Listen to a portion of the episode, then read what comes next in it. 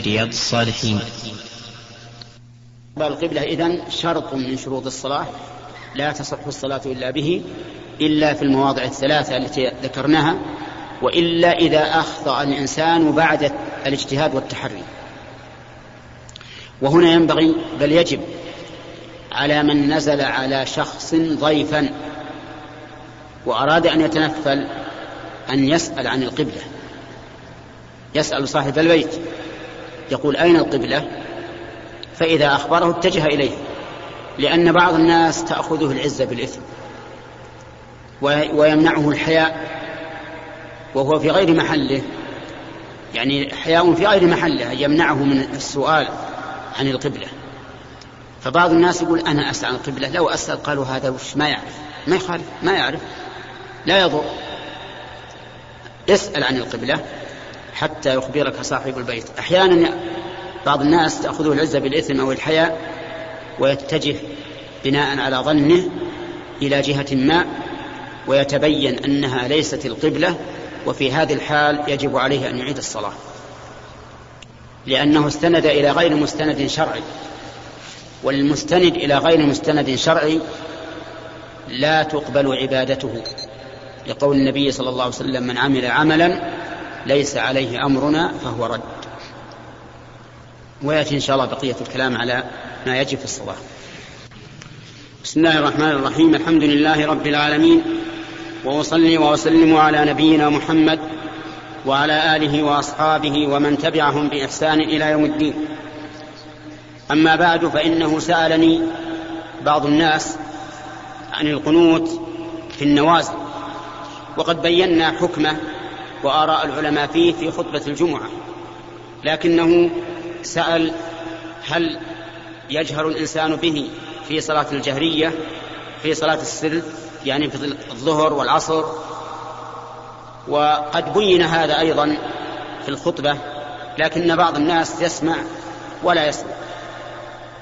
وسأل هل يكون في الركعة الأخيرة ولا في الركعة التي قبل الأخيرة. أو في كل ركوع الركعات والجواب أنه يكون في الركعة الأخيرة بعد الركوع ويرفع الإمام يديه ويرفع الناس أيديهم أيضا. أما مسح الوجه بها فليس بسنة لأن الأحاديث الواردة في ذلك ضعيفة. هذا ما يتعلق في القنوت. وأنا أحثكم أيها الإخوة على الدعاء دائما. واللجوء إلى الله سبحانه وتعالى بأن يدمر الله أعداء المسلمين أيا كان. احرصوا على هذا الدعاء في السجود وبعد التشهد وفي آخر الليل وبين الأذان والإقامة وفي كل حال لأن المسلمين مستهدفون من كل من كل إنسان من كافر يعلن بكفره ومن منافق يتظاهر بالإسلام وليس بمسلم ومن فاسق مجرم يتظاهر بأنه عدل وأنه لا يعتدي على أحد. المهم أن أعداء الإسلام كثيرون. فالواجب علينا في مثل هذه الأزمات وهذه المضايقات أن نلجأ إلى الله عز وجل بالدعاء والدعاء سلاح سلاح المؤمنين. ولا ولا أنفع من الدعاء أبدا. والأسباب المادية الحسية قد اتخذت من غيرنا ليس بأيدينا في منها شيء. لكن نحن علينا الدعاء. أن الله سبحانه وتعالى ينصر الحق بنا وينصرنا بالحق ويثبت أقدام جندنا في المعركة ويعينهم على ذلك. ونسأل الله تعالى أن يعجل بالعقوبة لمن أراد بالمسلمين سوءا وشرا. وأعداء المسلمين الذين يريدون السوء والشر كثيرون. نسأل الله أن يجعل كيدهم في نحورهم وأن لا يهدي كيدهم. فإن الله لا يهدي كيد الخائنين. أما موضوع الدرس فهو عما يتعلق بإقام الصلاة التي ذكر النبي عليه التي ذكر النبي صلى الله عليه وسلم أنها الركن الثاني من أركان الإسلام. من ذلك النية فإن الصلاة لا تصح إلا بنية لقول النبي صلى الله عليه وسلم إنما الأعمال بالنيات وإنما لكل امرئ ما نوى. وقد دلت الآيات الكريمة على ذلك على اعتبار النية في العبادات مثل قوله تعالى في وصف النبي صلى الله عليه وسلم وأصحابه تراهم ركعا سجدا يبتغون فضلا من الله ورضوانه وقال تعالى وما تنفقون إلا ابتغاء وجه الله والآيات في هذا كثيرة.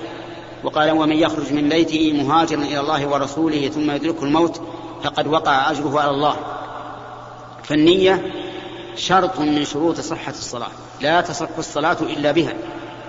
وهي في الحقيقة ليست في الأمر الصعب ليست بالأمر الصعب. النية ليست بالأمر الصعب. كل إنسان عاقل مختار يفعل فعلا فإنه قد نواه. ما تحتاج إلى تعب. أنت تأتي إلى المسجد لماذا جئت؟ الجواب لأصلي.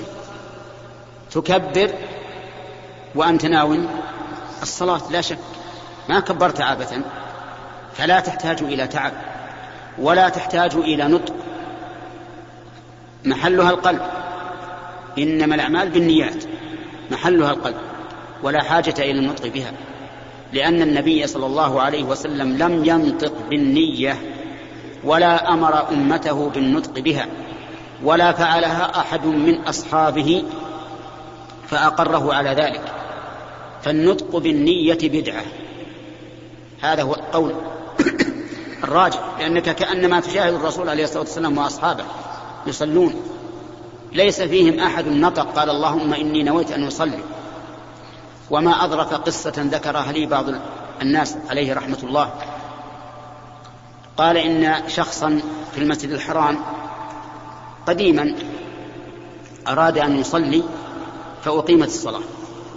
فقال اللهم إني نويت أن أصلي الظهر أربع ركعات لله تعالى خلف إمام المسجد الحرام. لما أراد أن يكبر قال له الرجل اصبر. إلى جنبي. اصبر. باقي عليك. قال وش الباقي؟ قال قل في اليوم الفلاني في التاريخ الفلاني من الشهر والسنة حتى لا تضيع هذه وثيقة. فتعجب الرجل وحقيقة أن محل التعجب. هل أنت تعلم الله عز وجل بما تريد؟ الله يعلم ما توسوس به نفسك. هل تعلم الله بأنك ستصلي أربع ركعات الظهر العصر العشاء؟ ما, ما له داعي. الله يعلم هذا. فالنية محلها القلب. ولكن كما نعلم الصلوات تنقسم إلى أقسام.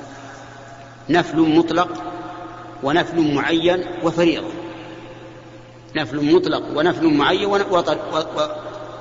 وفريضة. الفرائض خمس. الفجر والظهر والعصر والمغرب والعشاء. إذا جئت إلى المسجد في وقت الفجر فماذا تريد أن تصلي؟ المغرب؟ ها؟ الفجر. جئت وكبرت وأنت ناون الصلاة لكن غاب عن ذهنك أنها الفجر أو الظهر أو العصر. وهذا يقع كثيرا لا سيما إذا جاء الإنسان بسرعة يخشى أن تفوته الركعة فمثلا جئت وحضرت كبرت لكنك لم تستحضر أنك تريد الفجر. يقول لا حاجة. وقوع هذه الصلاة في وقتها دليل على أنك إنما أردت هذه الصلاة. ولهذا لو سألك أي واحد هل أردت الظهر أو العصر والمغرب أو العشاء لقلت أبدا ما أردت إلا الفجر. إذا لا حاجة أن أنوي أنها الفجر. صحيح إذا نويت أنها الفجر أكمل لكن إذا أحيانا تغيب عن يغيب عن الذهن هذا التعيين فنقول يعينها الوقت. يعينها الوقت.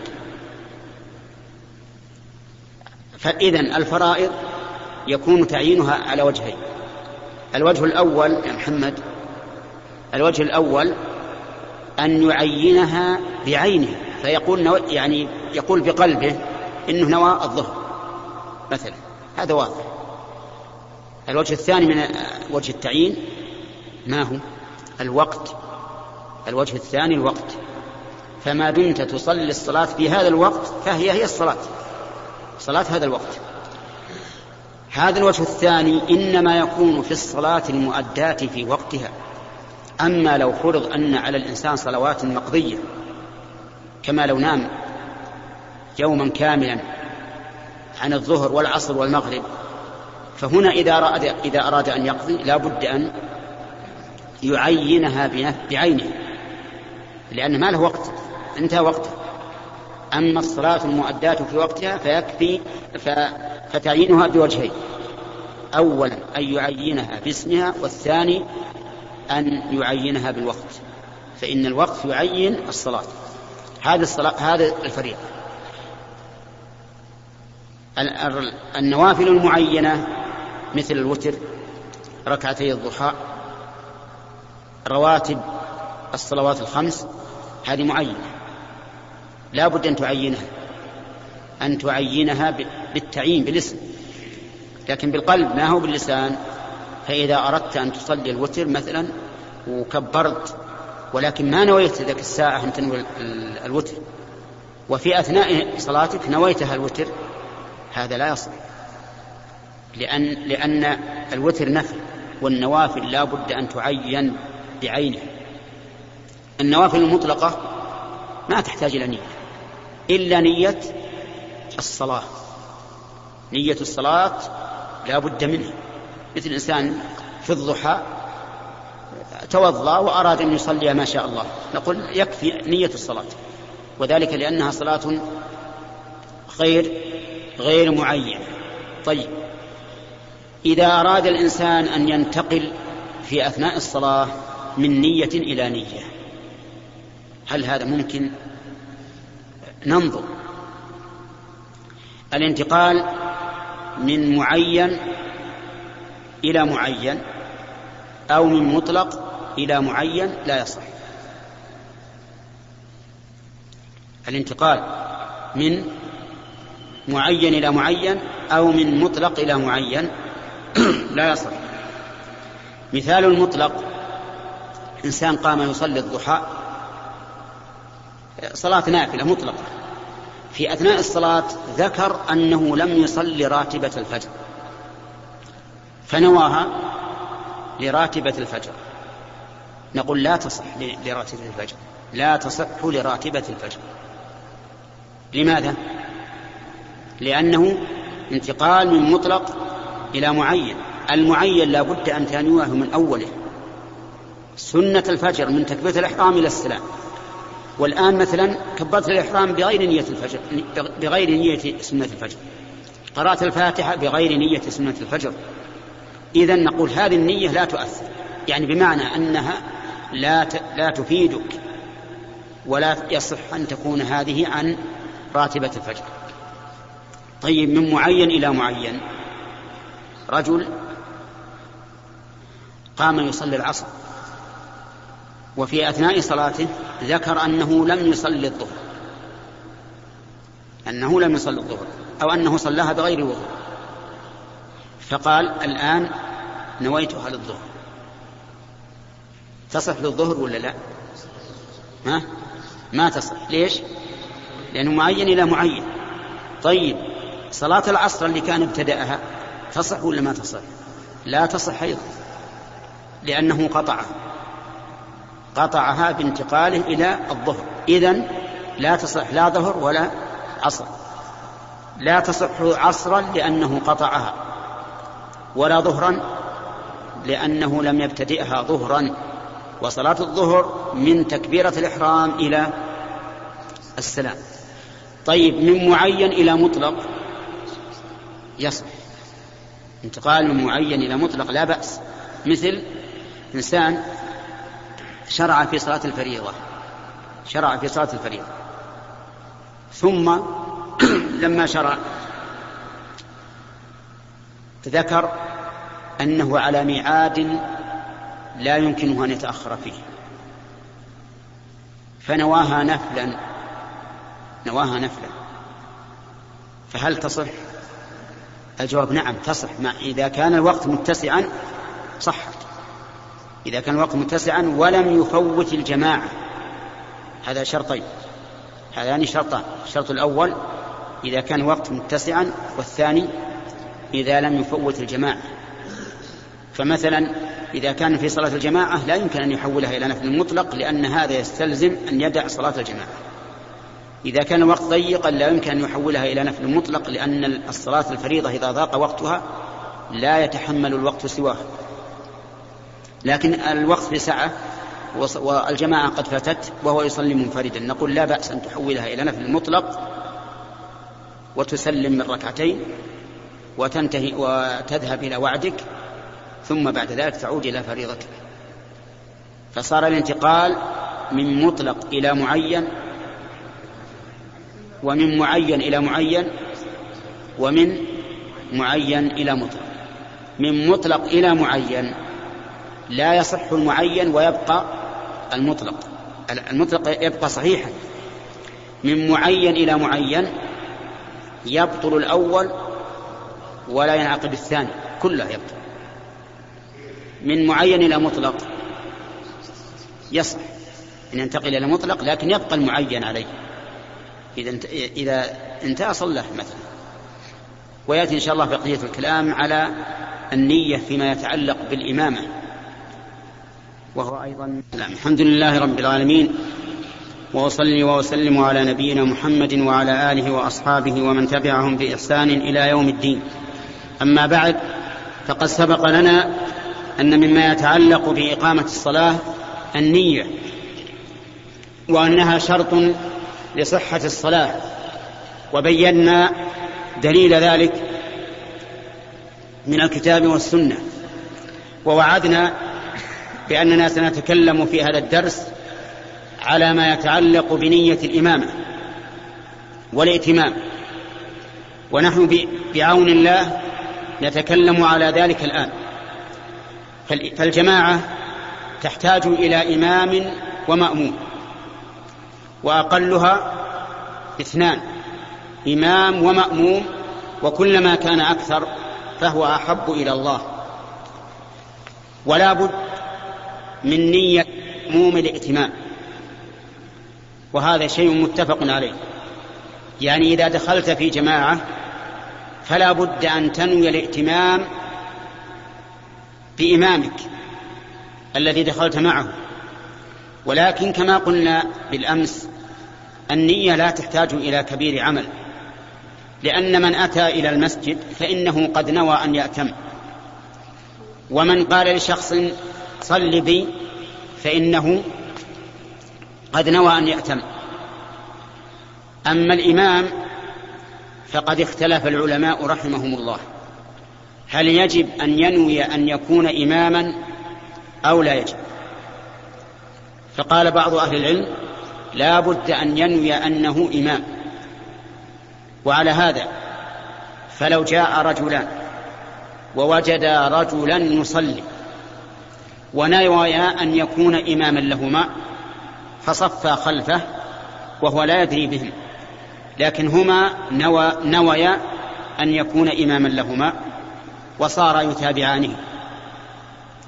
فمن قال إن الإمام لا بد أن ينوى الإمامة قال إن صلاة هذين الرجلين غير صحيحة.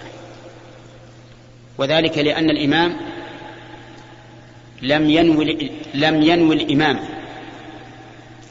ومن قال إنه لا يشترط أن ينوي الإمام الإمامة. قال إن صلاة هذين الرجلين صحيحة لأنهما تما به. فالأول هو المشهور من مذهب الإمام أحمد والثاني هو مذهب الإمام مالك. واستدل بأن النبي صلى الله عليه وسلم صلى ذات ليلة في رمضان وحده. فدخل أناس المسجد فصلوا خلفه صلوا خلفه. والنبي صلى الله عليه وسلم كان أول ما دخل الصلاة لم ين لم ينوي أن يكون إماما. واستدلوا كذلك بأن ابن عباس رضي الله عنهما بات عند النبي صلى الله عليه وسلم ذات ليلة. فلما قام النبي صلى الله عليه وسلم يصلي من الليل قام يصلي وحده. فقام ابن عباس فتوضأ ودخل معه في الصلاة. ولكن لا شك أن هذا الثاني ليس فيه دلالة لأن النبي صلى الله عليه وسلم نوى الإمامة لكن نواها في أثناء الصلاة. ولا بأس أن ينويها في أثناء الصلاة. على كل حال الاحتياط في هذه المسألة أن نقول إذا جاء رجلان إلى شخص يصلي فلننبهاه على أنه إمام لهما فإن سكت فقد أقرهما وإن رفض وأشار بيده يعني أن لا تصليا خلفي فلا يصلي خلفه هذا هو الأحوط والأولى. ثانيا هل يشترط أن تتساوى صلاة الإمام مع صلاة المأموم؟ في جنس المشروعية. يعني في جنس المشروعية. بمعنى هل يصح أن يصلي الفريضة خلف من يصلي النافلة أو أن يصلي النافلة خلف من يصلي الفريضة؟ ننظر في هذا. أما الإنسان الذي يصلي نافلة خلف من يصلي الفريضة فلا بأس. لا بأس بهذا لأن السنة قد دلت على ذلك. فإن الرسول صلى الله عليه وسلم انفتل من صلاة الفجر ذات يوم في, في مسجد الخيف في منى. فوجد رجلين لم يصليا. فقال ما منعكما أن تصليا في القوم؟ قال يا رسول الله صلينا في رحالنا. يحتمل أنهما صليا في رحالهما لظنهما أنهما لا يدركان صلاة الجماعة أو لغير ذلك من الأسباب. فقال إذا صليتما في رحالكما ثم أتيتما مسجد جماعة فصليا معهم فإنها لكما نافلة. إنها الأولى ولا الثانية؟ الثانية. لأن الأولى حصلت بها الفريضة وانتهت برئت الذمة. الثانية لكما نافلة. وهما يصليان خلف من يصلي الفريضة. إذا إذا كان المأموم هو الذي يصلي النافلة والإمام هو الذي يصلي الفريضة فلا بأس بذلك كما دلت عليه هذه السنة. أما العكس إذا كان الإمام يصلي نافلة والمأموم يصلي فريضة. وأقرب مثال لذلك في أيام رمضان إذا دخل الإنسان وقد فاتته صلاة العشاء ووجد الناس يصلون صلاة التراويح فهل يدخل معهم بنية العشاء أو يصلي الفريضة وحده ثم يدخل معهم التراويح؟ هذا محل خلاف بين العلماء. فمنهم من قال لا يصح أن يصلي الفريضة خلف النافلة لأن الفريضة أعلى ولا يمكن أن تكون صلاة المأموم أعلى من صلاة الإمام. ومنهم من قال بل يصح أن يصلي الفريضة خلف النافلة لأن السنة وردت بذلك. وهي أن معاذ بن جبل رضي الله عنه كان يصلي مع النبي صلى الله عليه وسلم صلاة العشاء ثم يذهب إلى قومه فيصلي بهم تلك الصلاة. فهي له نافلة ولهم فريضة. ولم ينكر عليه النبي صلى الله عليه وسلم. فإن قال قائل لعل النبي صلى الله عليه وسلم لم يعلم. فالجواب عن ذلك أن نقول إن كان قد علم فقد تم الاستدلال. لأن معاذ بن جبل رضي الله عنه قد شكي إلى الرسول عليه الصلاة والسلام في كونه يطول صلاة العشاء. فالظاهر والله أعلم أن النبي صلى الله عليه وسلم أخبر بكل القضية وبكل القصة. وإذا قدر أن الرسول صلى الله عليه وسلم لم يعلم أن معاذا يصلي معه ثم يذهب إلى قوم فيصلي بهم فإن رب, رب الرسول صلى الله عليه وسلم قد علم وهو الله جل وعلا. لا يخفى عليه شيء في الأرض ولا في السماء.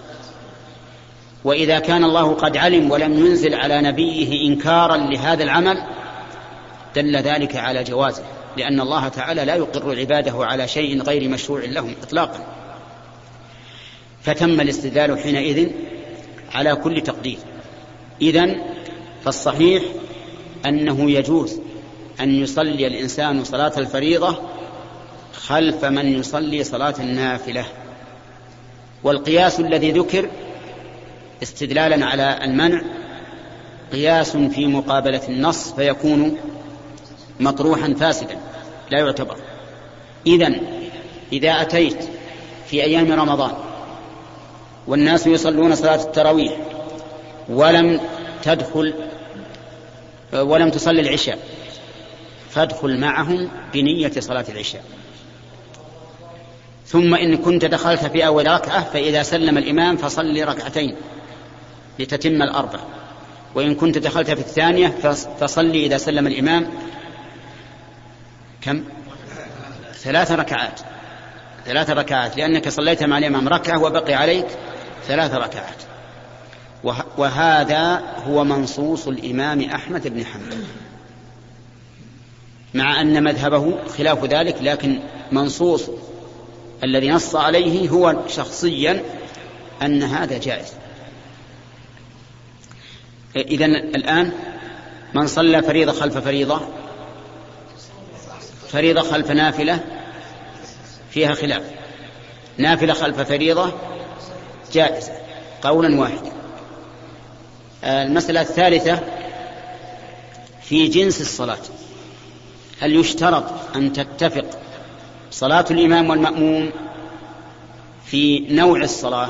يعني ظهر مع ظهر ظهر عصر مع عصر وهكذا. أو لا؟ في هذا أيضا خلاف. فمن العلماء من قال يصح فمن العلماء من قال يجب أن تتفق الصلاتان. فيصلي الظهر خلف من يصلي الظهر ويصلي العصر خلف من يصلي العصر يصلي المغرب خلف من يصلي المغرب يصلي العشاء خلف من يصلي العشاء الفجر خلف من يصلي الفجر. لأن النبي صلى الله عليه وسلم قال إنما جعل الإمام ليؤتم به فلا تختلفوا عليه. ومن العلماء من قال لا يشترط فيجوز أن تصلي العصر خلف من يصلي الظهر أو الظهر خلف من يصلي العصر أو العصر خلف من يصلي العشاء. لأن الإمام أو لأن الائتمام في هذه الحال لا يتأثر. وإذا جاز أن يصلي الفريضة خلف النافلة مع اختلاف النوع مع اختلاف الحكم فكذلك اختلاف الاسم لا يضر. وهذا القول أصح أنه يجوز أن تصلي الظهر خلف من يصلي العصر أو العصر خلف من يصلي الظهر. أو الظهر خلف من يصلي العشاء. فإذا قال إنسان كيف الظهر خلف من يصلي العشاء؟ كيف يكون هذا؟ يقول نعم. حضرت لصلاة العشاء بعد أن أذن ولما أقيمت الصلاة ذكرت أنك صليت الظهر بغير وضوء. ممكن هذا؟ ممكن. نقول ادخل مع الإمام صلى الظهر. أنت نيتك الظهر والإمام نيته العشاء ولا يضر. إنما الأعمال بالنيات وإنما لكل امرئ ما نوى. وأما قول النبي صلى الله عليه وسلم إنما جعل الإمام ليؤتم به فلا تختلفوا عليه فليس معناه لا تختلفوا عليه في النية. قال لا تختلفوا عليه ثم فصل بين. قال فإذا كبر فكبروا ولا تكبروا حتى يكبر. يعني تابعوه ولا تسبقوه. هذا معنى لا تختلفوا عليه. وكلام النبي عليه الصلاة والسلام يفسر بعضه بعضا. طيب هذا البحث يتفرع عليه بحث آخر. إذا اتفقت الصلاتان في العدد والهيئة فلا إشكال في هذا. إذا اتفقت الصلاتان في العدد والهيئة فلا إشكال. كيف؟ ظهر خلف عصر العدد ها؟ واحد. والهيئة واحد. هذا لا إشكال فيه. لكن إذا اختلفت الصلاتان بأن كان صلاة المأموم مثلا ركعتين والإمام أربع أو بالعكس أو صلاة المأموم ثلاث والإمام أربع أو بالعكس. فنقول إن كانت صلاة المأموم أكثر فلا إشكال. مثل لو صلى العصر خلف من يصلي المغرب. صلى العصر خلف من يصلي المغرب. مثل رجل دخل المسجد يصلي المغرب. ولما أقيمت الصلاة؟ ذكر أنه صلى العصر بلا وضوء. فهنا صار عليه الصلاة العصر. نقول ادخل مع الإمام بنية صلاة العصر. وإذا سلم الإمام فإنك تأتي بواحدة لتتم لك الأربع. هذا لا إشكال فيه. إذا كانت صلاة الإمام أكثر من صلاة المأموم. إذا كانت صلاة الإمام أكثر من صلاة المأموم. فهذا نقول إن دخل المأموم في الركعة الثانية فما بعدها؟ فلا إشكال. وإن دخل في الركعة الأولى فحينئذ يأتي الإشكال. ولنمثل إذا جئت والإمام يصلي العشاء وهذا يقع كثيرا في أيام أيام الجمع. في أيام الجمع يأتي الإنسان من البيت والمسجد جامع للمطر أو ما أشبه ذلك فإذا جاء وجدهم يصلون العشاء. وجدهم يصلون العشاء. لكن وجدهم يصلون في الركعتين الأخيرتين. نقول ادخل معهم. بنية المغرب.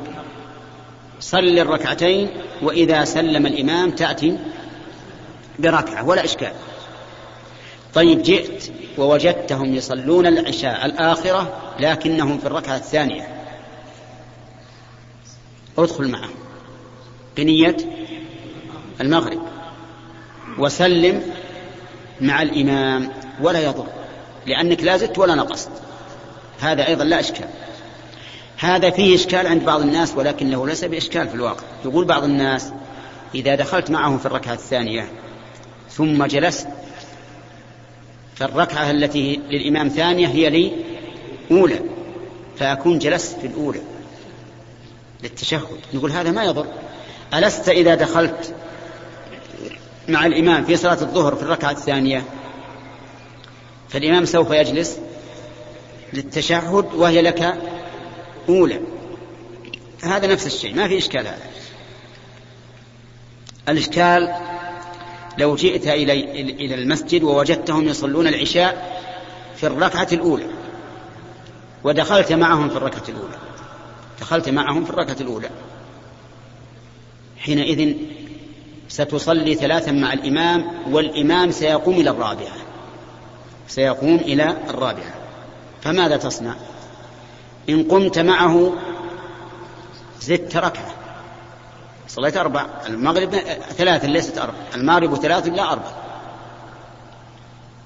وإن جلست تخلفت عن الإمام.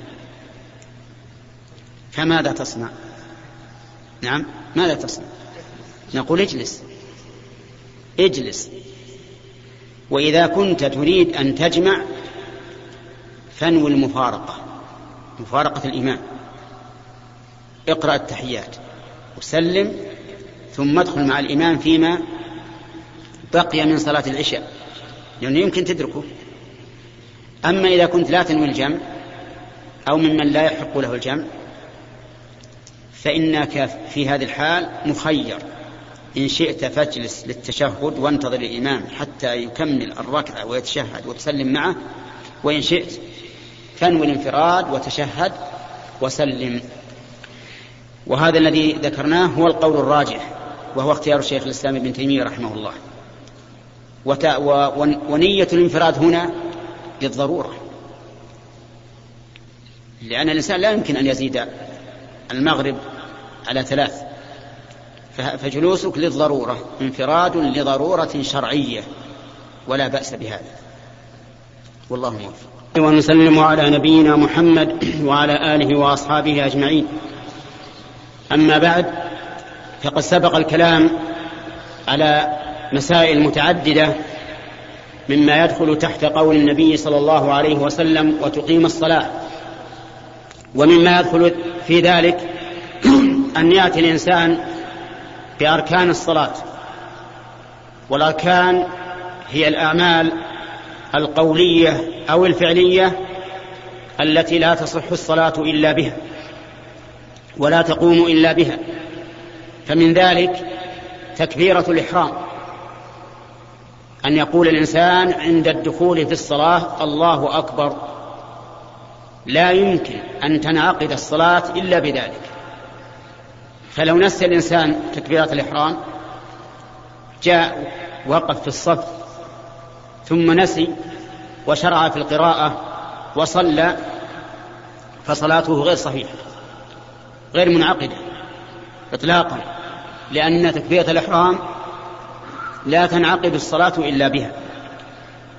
قال النبي صلى الله عليه وسلم لرجل علمه كيف يصلي قال إذا قمت إلى الصلاة فأسبغ الوضوء ثم استقبل القبلة فكبر. فلا بد من التكبير. وكان صلى الله عليه وسلم مداوما على ذلك.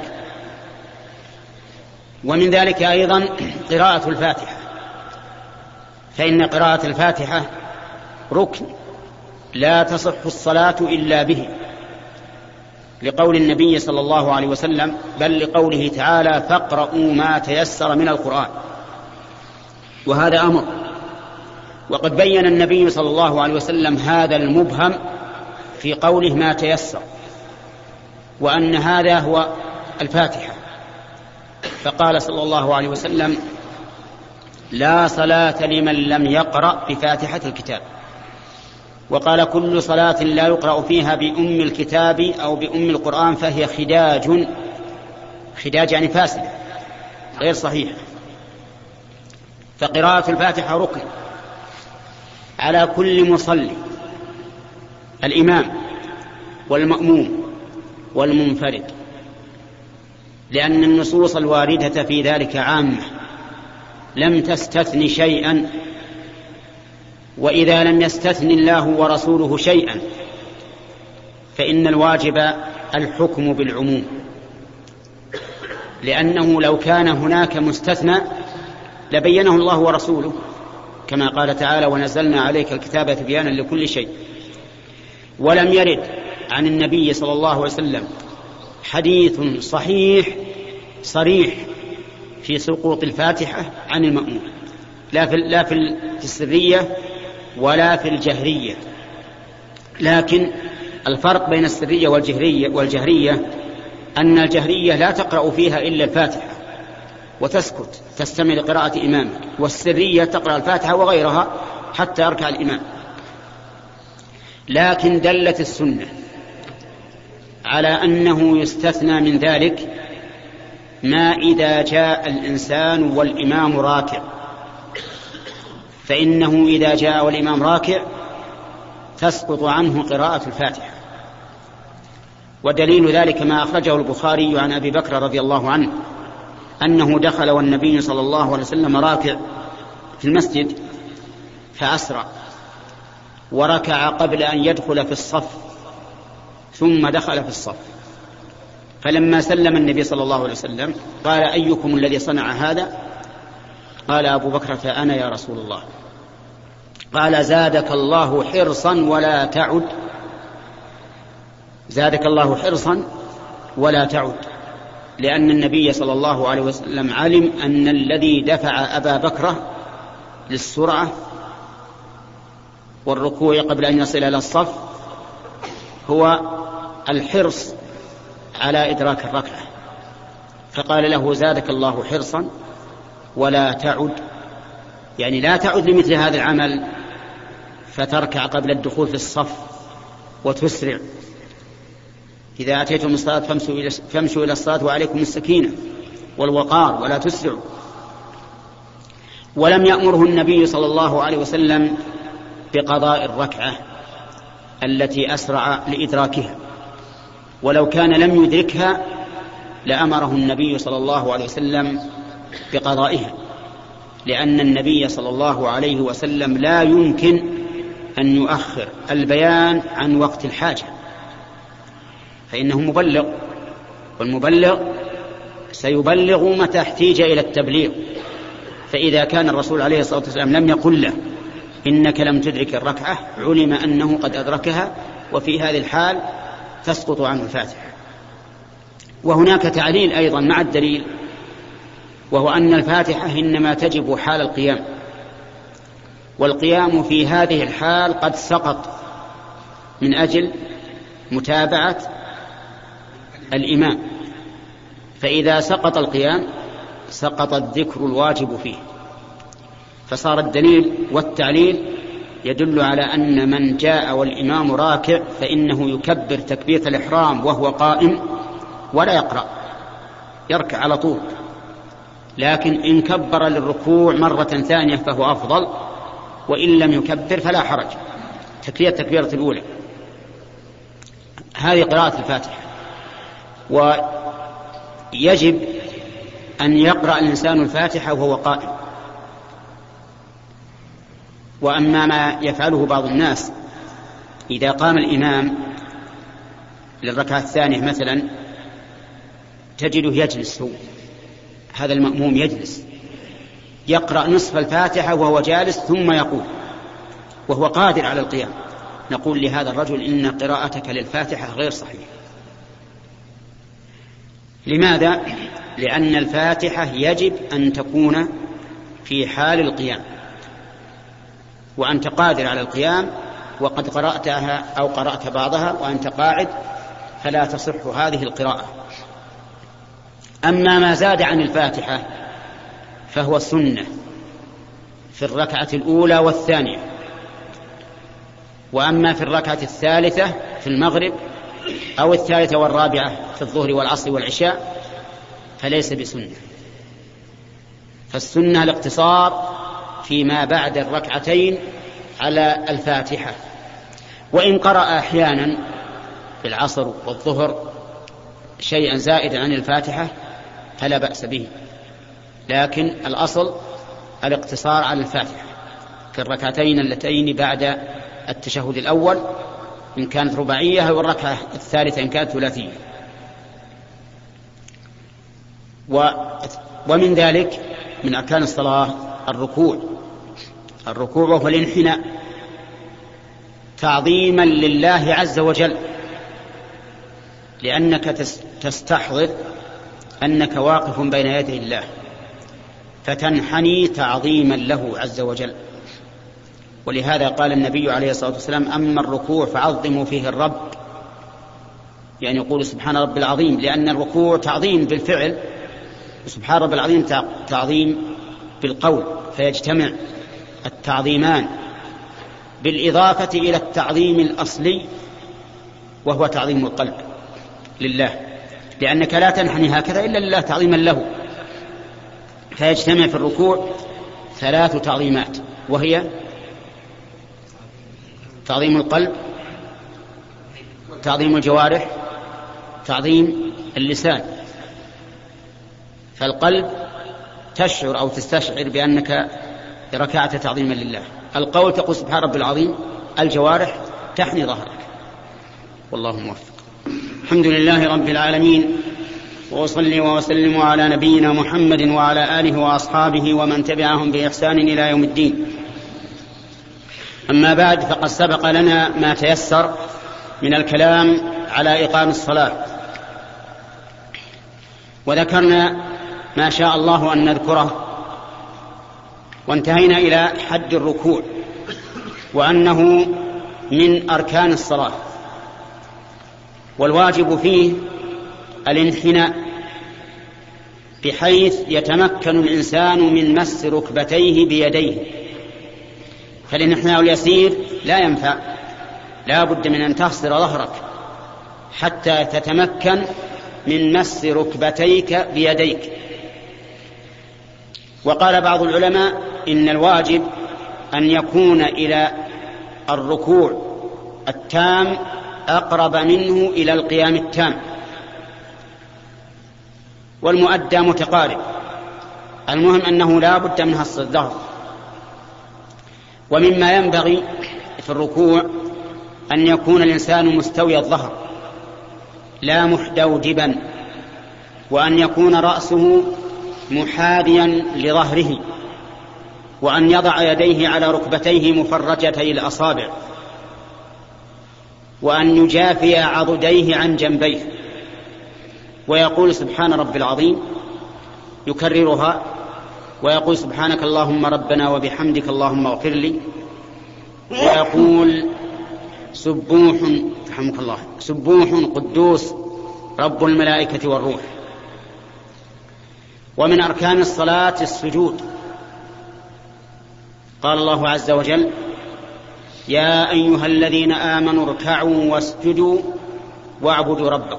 اركعوا واسجدوا. وقال النبي صلى الله عليه وسلم أمرنا أن نسجد على سبعة أعظم على الجبهة وأشار بيده إلى أنفه والكفين والركبتين وأطراف القدمين. فالسجود لا بد منه لأنه ركن لا تتم الصلاة إلا به. ويقول في سجوده سبحان ربي الأعلى. وتأمل الحكمة أنه في الركوع تقول سبحان ربي العظيم لأن الهيئة هيئة تعظيم. في السجود تقول سبحان ربي الأعلى لأن الهيئة هيئة نزول. فالإنسان نزل أعلى ما في جسده وهو الوجه إلى إلى إلى أسفل ما في جسده وهو القدمين. فترى في السجود أن الجبهة والقدمين في مكان واحد في مكان واحد.